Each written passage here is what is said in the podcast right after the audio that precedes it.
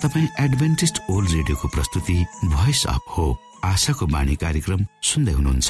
कार्यक्रम प्रस्तुता म रवि यो समय तपाईँको साथमा छु। आदरणीय श्रोता लाखौं करोडौं ध्वनि तरङ्गहरूको बीचमा भरोसा योग्य आशाका आत्मिक सन्देश सहित आशाको बाणी कार्यक्रम तपाईँको सामु आइपुगेको छ। यी तरङ्गमा शक्ति छ यी तरङ्गमा जीवित परमेश्वरको अनुग्रह छ। यो कार्यक्रमलाई सुन्न रोज्नुहुने समस्त श्रोता वर्गमा हामी आभार व्यक्त गर्दछौ। आजको कार्यक्रमबाट यहाँले प्रशस्त आशिष पाउन सक्नु भएको होस्। यही शुभेच्छा व्यक्त गर्दै सधैँ झै हामी हाम्रो मूल विषयतिर जानु अगाडि सुनौ यो मधुर क्रिस्टीय भजन।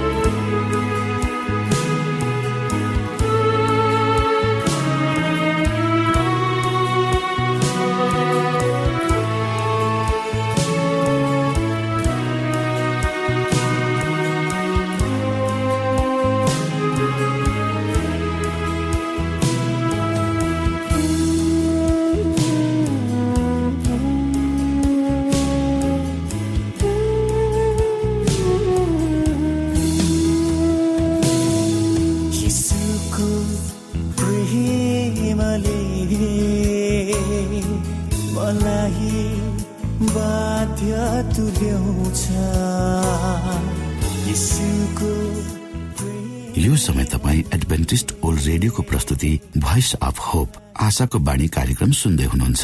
श्रोता मित्र यो समय हामी पास्टर उमेश पोखरेलबाट आजको बाइबल सन्देश सुन्नेछौ।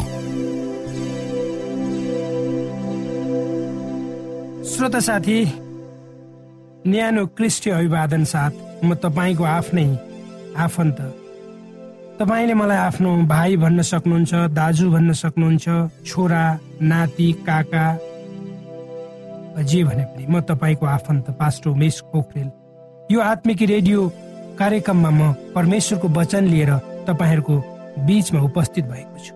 आउनुहोस् आजको प्रस्तुतिलाई पस्कनुभन्दा पहिले श्रोता हामी परमेश्वरमा अगुवाईको लागि बिन्ती राख्नेछौँ।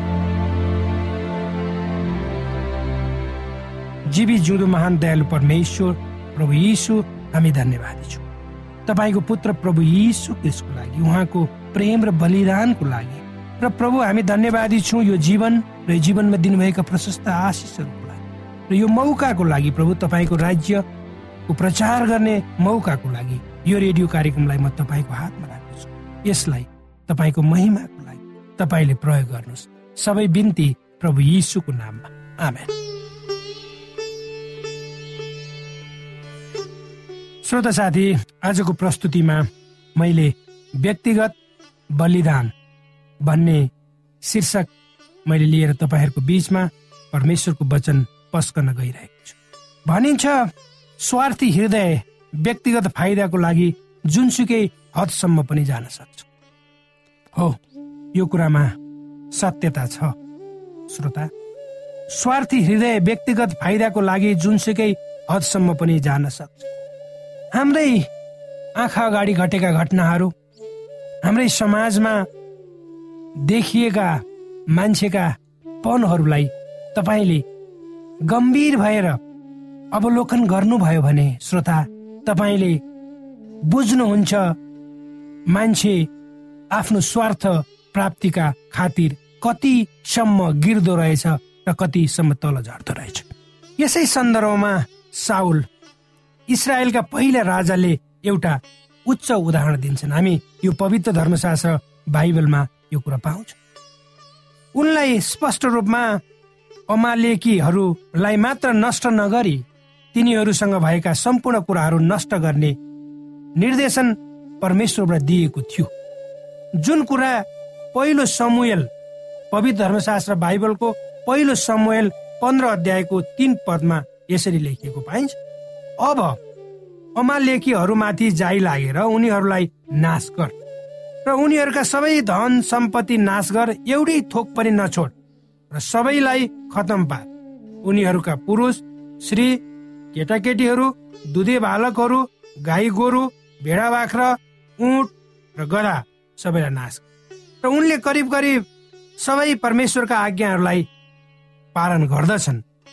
तर राजा साउलले अमालेकीका राजा र असल असल भेडा गाई गोरु परमेश्वरको निम्ति बलिदानका लागि भनेर जोगाई राख्दछ। तर पहिलो समूहल पवित्र धर्मशास्त्र बाइबलको पहिलो समूहल एक अध्यायको बाइस पदमा समूहल भन्छन् होम बलि र बलिदान भन्दा बेसी परम प्रभुले आज्ञा पालन नै रुचाउनु हुन्न र आज्ञा पालन बलिदान भन्दा उत्तम हो र उहाँको वचन मान्नु भेडाको बोसो भन्दा असल। मानिसहरूले आफ्नो लागि सबभन्दा असल गाई गोरु भेडाहरू जोगाएर राखे। यो भनेर ती गाई गोरु भेडा बाख्राहरू उनीहरूले परमेश्वरको लागि बलि दिन राखेका। श्रोता हाम्रो समाजमा यस्ता धेरै व्यक्तिहरू छन्। उनीहरू कुनै राम्रो कामको लागि आफूले खाने एक छाक खाना हेर्ने सिनेमा वा अन्य मनोरञ्जनको लागि गरिने खर्च बराबरको रकम कुनै राम्रो कामको लागि दिनको लागि इच्छुक हुँदैन। पैसा प्रेम बाहेक अरू अन्य कुनै अभिप्रायले दिइन्छ भने त्यसलाई परमेश्वरले आशिष दिनुहुन्न। र उक्त पैसा जसले जे उद्देश्यको लागि उठाएको हो त्यो प्राप्तिको लागि उपयोगमा आउन पनि सक्छ। आए पनि त्यसबाट राम्रो प्रतिफल पाइन्न। त्यो मेरो आफ्नै जीवनको अनुभवबाट मैले सिकेको छु देखेको छु। यस कुरालाई अझ स्पष्ट पार्न पावल प्रेरितले पवित्र धर्मशास्त्र बाइबलको पहिलो कोरन्थी तेह्र अध्यायको तीन पदमा यसरी लेख्छन्। आउनुहोस् हामी पढौँ। यसलाई हामीले अघिल्लो दिनको प्रस्तुतिमा पनि व्यक्त गरेका थियौँ। यहाँ पावल यसरी भन्छन् यदि मैले सारा सम्पत्ति बाँडिदिएँ र मेरो शरीर जलाउनुलाई दिइहालेँ तर मसित प्रेम छैन भने मलाई केही लाभ मानिसको निम्ति बलिदानको क्रममा यसुले गलत काम गर्नु भएन। कोहीसँग घुस लिनु भएन। वा कुनै मनोरञ्जनको पछि उहाँ लाग्नु भएन। तर प्रभु यीशुले स्वत स्फूर्त रूपमा तपाईँ र मेरो खातिर आफूलाई बलि गराउनु भयो। त्यसको अभिप्राय के थियो भन्दा एउटा प्रेम थियो। यदि उहाँका चेलाहरूले उहाँलाई वास्तविक रूपमा प्रेम गरेका भए उनीहरूमा पनि कुनै अस्वस्थ प्रतिस्पर्धा हुने थिए। किनकि उहाँको प्रेमको खातिर तिनीहरूले निरन्तर रूपमा वा स्वस्फूर्त रूपमा दिने थिए वा छन् तर उहाँका चेलाहरू जसले प्रभु यीशुसँग सँगै खाए सँगै सुते उठबस गरे र त्यो प्रभु यीशु क्रिस्टको त्यो जीवनको यात्राको प्रमुख कुरामा उनीहरू सहभागी भए तर पनि उनीहरूले परमेश्वरलाई चिन्न सकेनन्। उनीहरूले प्रभु यीशु क्रिस्टको मनलाई उनीहरूको जीवनमा भिजाउन सकेनन्। र त्यसैले उनीहरूको बिचमा पनि विभिन्न किसिमको प्रतिस्पर्धाहरू भएको हामी पाउँछौँ। यदि तपाईँ र मैले जसरी प्रभु यीशु क्रिस्टले आफ्नो जीवन मानव उद्धारको लागि आहुति दिनुभयो त्यसरी नै तपाईँ र मैले आफ्नो जीवनलाई स्वस्फूर्त रूपमा परमेश्वरको इच्छा अनुसार ढाल्ने कोसिस गर्यौँ र त्यसै अनुसारको जीवन हामीले जियौँ भने निश्चय नै श्रोता तपाईँ र मेरो जीवनद्वारा धेरै अन्धकारमा भएका मान्छेहरूले ज्योति देख्नेछन्। तपाईँ र मेरो जीवनको जियाइले गर्दा धेरै मान्छेहरूको आँखामा भएको आँसु पुछिनेछ र धेरै मान्छेहरूको कुडिएको त हृदय छ। त्यसमा मलमपट्टि लाग्नेछ। र धेरै आत्माहरूलाई जो हताश छन् जो निराश छन् जसले जीवनको वास्तविक अर्थ नबुझेर यो संसारमा भौतारिरहेका छन् आफ्नो जीवनको त्यो लाई खतम बनाउँदैछन् ती मान्छेहरूलाई ती मान्छेहरूको जीवनमा तपाईँ र मैले माध्यम भएर स्वर्गबाट आशाका किरणहरू वर्षाउन सक्छु। र त्यो बलिदान त्यो उपहारलाई सबभन्दा ठुलो बलिदान र उपहारको रूपमा परमेश्वरले स्वीकार गर्नुहुन्छ। र परमेश्वरको इच्छा पनि त्यही हो श्रोता। ती उपहारहरूलाई परमेश्वरले आशिष दिनुहुन्छ बढाउनुहुन्छ। जुन उपहारहरू उहाँका जनहरूको लागि ती जनहरूको जीवनमा ती उपहारहरूले काम गर्छन् आशाको दियो छर्छन्। परमेश्वरका जनहरूलाई ती उपहारहरूले अन्धकारबाट ज्योतितर्फ अगुवाई गर्छन्। श्रोता हामी परमेश्वरका जनहरू।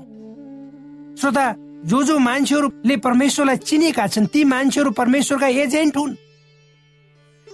र ती मान्छेहरूले जब यो संसारमा रहँदाखेरि परमेश्वरको प्रेम परमेश्वरको चरित्रलाई उनीहरूको जीवनबाट अर्थात् तपाईँ र मेरो जीवनबाट छर्नु पर्छ। मान्छेहरूमा लाई बताउनु पर्छ ताकि तपाईँ र मेरो त्यो बलिदानयुक्त जीवनलाई देखेर पर मानिसहरूले परमेश्वरको प्रेमलाई चिन्न। आज संसारमा प्रेम सेलाएर मान्छेहरू स्वार्थी भएका छन् र मान्छेहरू आफ्नै लागि मात्रै जिइरहेका छन् आफ्नै लागि मात्र प्रयत्न गरिरहेका तर परमेश्वर बिनाको प्रयत्न परमेश्वर बिनाको जीवन त्यो जीवन होइन र प्रयत्नको नतिजा के हुन्छ शून्य परमेश्वरले तपाईँलाई आशिष दिउन् र तपाईँको यो अमूल्य जीवन छ श्रोता यसलाई तपाईँले सही र सकारात्मक रूपले लिनुहोस् र यो जीवन परमेश्वरले एउटा उद्देश्यको लागि बनाउनु भयो। यो जीवन तपाईँको होइन। यो परमेश्वरको यो जीवनको नासो तपाईँलाई परमेश्वरले दिनुभएको छ। यो जीवनको हेरचाह गर्ने जिम्मा परमेश्वरले दिनु। अब तपाईँको जीवन मै मेरो जीवनलाई मैले परमेश्वरको इच्छा अनुसार त्यसै अनुसार हामीले अगाडि बढाउनुपर्छ परमेश्वरको ज्योतिमा डोरे ताकि हाम्रो जीवन एउटा सफल छ। परमेश्वरको नजिक संसार। परमेश्वरले तपाईँलाई आशिष दिनुहोस्।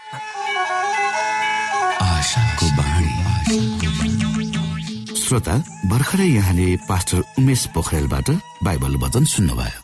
यो समय तपाईँ एडभेन्टिस्ट ओल्ड रेडियोको प्रस्तुति भोइस अफ होप आशाको बाणी कार्यक्रम सुन्दै हुनुहुन्छ। कार्यक्रम सुनेर बस्नुहुने सबै श्रोतालाई हामी हाम्रो कार्यक्रममा स्वागत गर्न चाहन्छौ। श्रोता मित्र यदि तपाईँ जीवनदेखि हरेस खानु भएको छ तपाईँका जीवनमा धेरै अनुत्तरित प्रश्नहरू छन् भने आउनुहोस् हामी तपाईँलाई परमेश्वरको ज्योतिमा डोहोऱ्याउन चाहन्छौँ। तपाईँ आफ्नो जीवनका चिन्ता फिक्रीबाट निश्चिन्त हुनुहोस् र बाँच्नुको आनन्द परमेश्वरको सामिप्यमा कति मिठो हुन्छ त्यो चाख्नुहोस् भनी हामी चाहन्छौँ। श्रोता यदि तपाईँ आशाको बाणी कार्यक्रमलाई अनलाइन सुन्न चाहनुहुन्छ वा डाउनलोड गर्न चाहनुहुन्छ भने डट ओआरजीमा जानुहोस्। त्यहाँ तपाईँले प्रत्येक दिनको कार्यक्रम सुन्न र डाउनलोड गर्न सक्नुहुनेछ। हाम्रो वेब पेज यस प्रकार छ W dot AWR dot ORG श्रोता यदि तपाईँ हामीसित सिधै फोनमा सम्पर्क गर्न चाहनुहुन्छ भने हाम्रा नम्बरहरू यस प्रकार छन्। अन्ठानब्बे एकसाठी पचपन्न शून्य एक सय बिस। अन्ठानब्बे एकसाठी पचपन्न शून्य एक सय बिस। र अर्को अन्ठानब्बे अठार त्रिपन्न पन्चानब्बे पचपन्न। अन्ठानब्बे अठार त्रिपन्न पन्चानब्बे पचपन्न। यो आशाको बाणी रेडियो कार्यक्रम हो।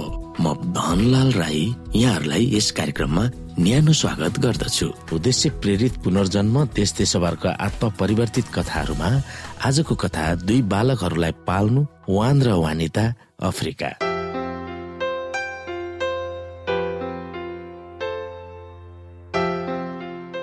श्रोता अफ्रिकामा रहेको सेभन दे अस्पतालको परिसरमा रहेको वान र वानिताको घरको ढोकामा बालबालिकाहरूले ढकढकाइरहे।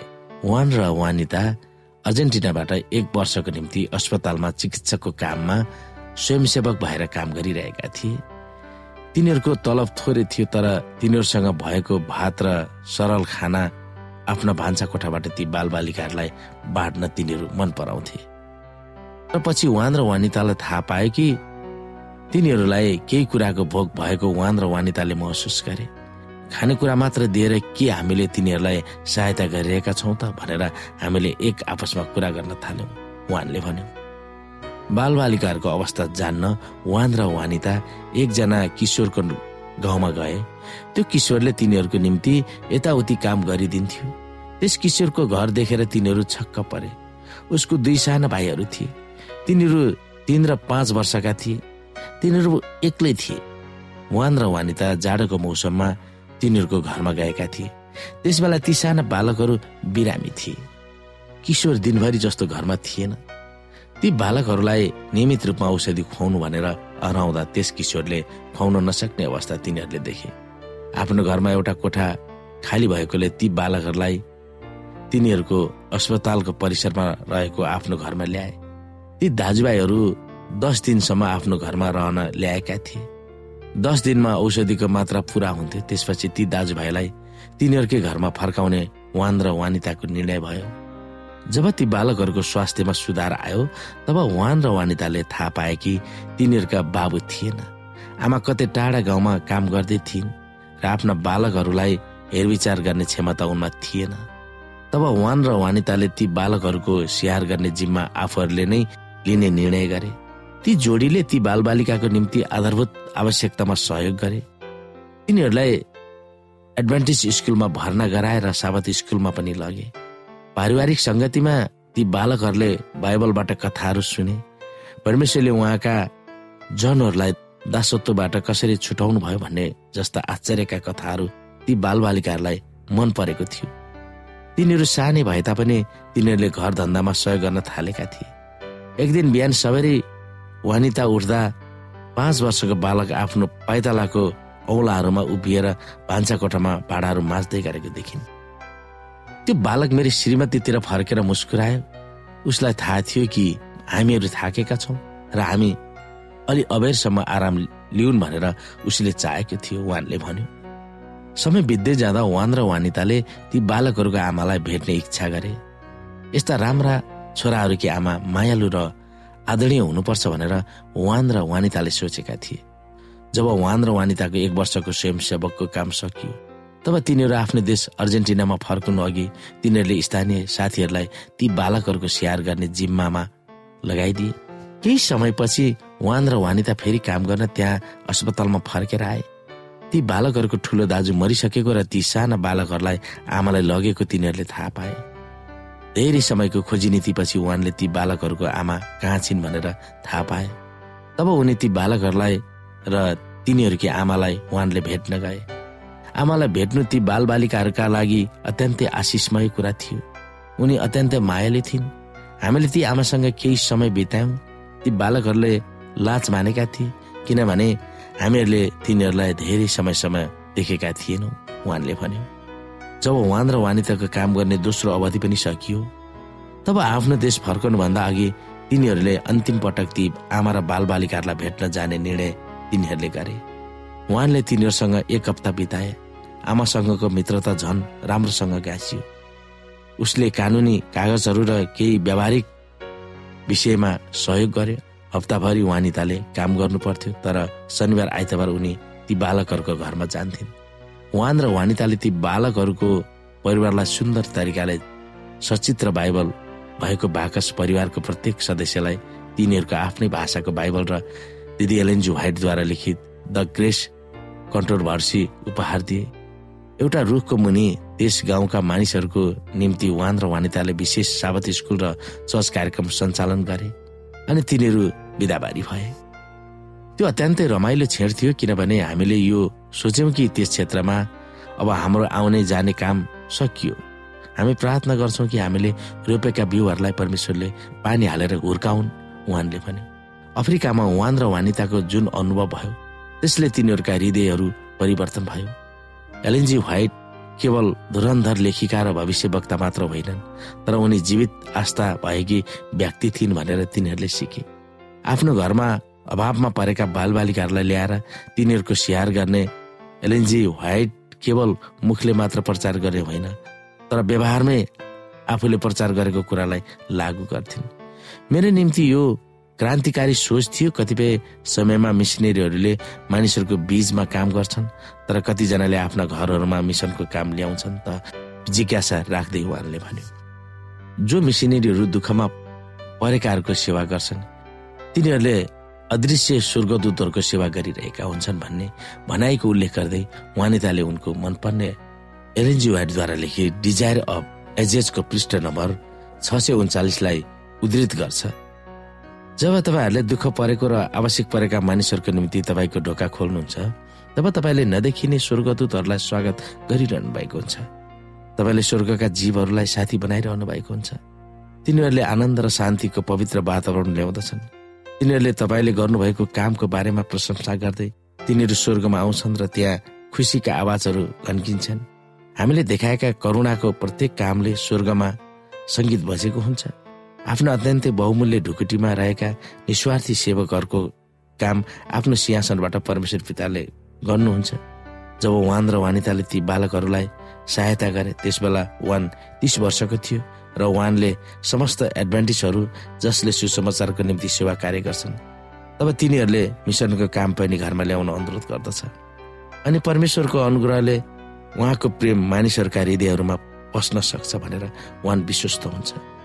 जुन अनुभव मैले गरेँ यसले मेरो जीवनमा परिवर्तन ल्याएको थियो। मिसन क्षेत्रमा म मिसिनेरी भएको मैले महसुस गरेँ। म मिसिनेरीको छोरा नभइकन आफू नै मिसिनेरी भएको अनुभव मैले गरेँ। मिसिनेरीका छोरा भएर हुर्किएको वानले यस लेखकलाई व्यक्त गर्दछन्। श्रोता आशा गर्दछु आजको प्रस्तुतिहरू तपाईँलाई मन पर्यो। हामीलाई परमेश्वरको उचित मार्गमा हिँड्नको लागि अगुवाई गर्ने यो कार्यक्रम आशाको बाणी हो। यस कार्यक्रमको विषयमा तपाईँसँगको सल्लाह सुझाव प्रतिक्रिया र जिज्ञासाहरू भए तपाईँ हामीलाई सम्पर्क गर्न सक्नुहुन्छ। हाम्रो सम्पर्कको लागि एडभान्टेज वर्ल्ड रेडियोको प्रस्तुतिमा आशाको बाणी रेडियो कार्यक्रम फोन नम्बर अन्ठानब्बे चौवालिस अडतिस उन्चालिस सडतिस। फोन नम्बर फेरि पनि अन्ठानब्बे चौवालिस अडतिस उन्चालिस सडतिस। यो नम्बरमा फोन गरेर तपाईँ हामीलाई सम्पर्क गर्न सक्नुहुन्छ। यसै गरी हाम्रो वेब पेज रहेको छ W W W dot AWR dot ORG W W W dot AWR dot ORG log in गरेर हाम्रो दैनिक कार्यक्रमहरू सुन्न सक्नुहुनेछ। हाम्रो पत्र व्यवहारको लागि ठेगाना रहेको छ। पोस्ट बक्स नम्बर दुई जिरो जिरो जिरो दुई जिपिओ काठमाडौँ। दुई जिरो जिरो जिरो दुई जिपिओ काठमाडौँ। हस्त श्रोता भोलि फेरि पुनः यसै समयमा तपाईँको रेडियो सेटमा भेट हुने बाचा सहित आजको सम्पूर्ण प्रस्तुतिहरूबाट म प्रस्तुता धनलाल राई बिदा हुन्छु। हस्त नमस्ते।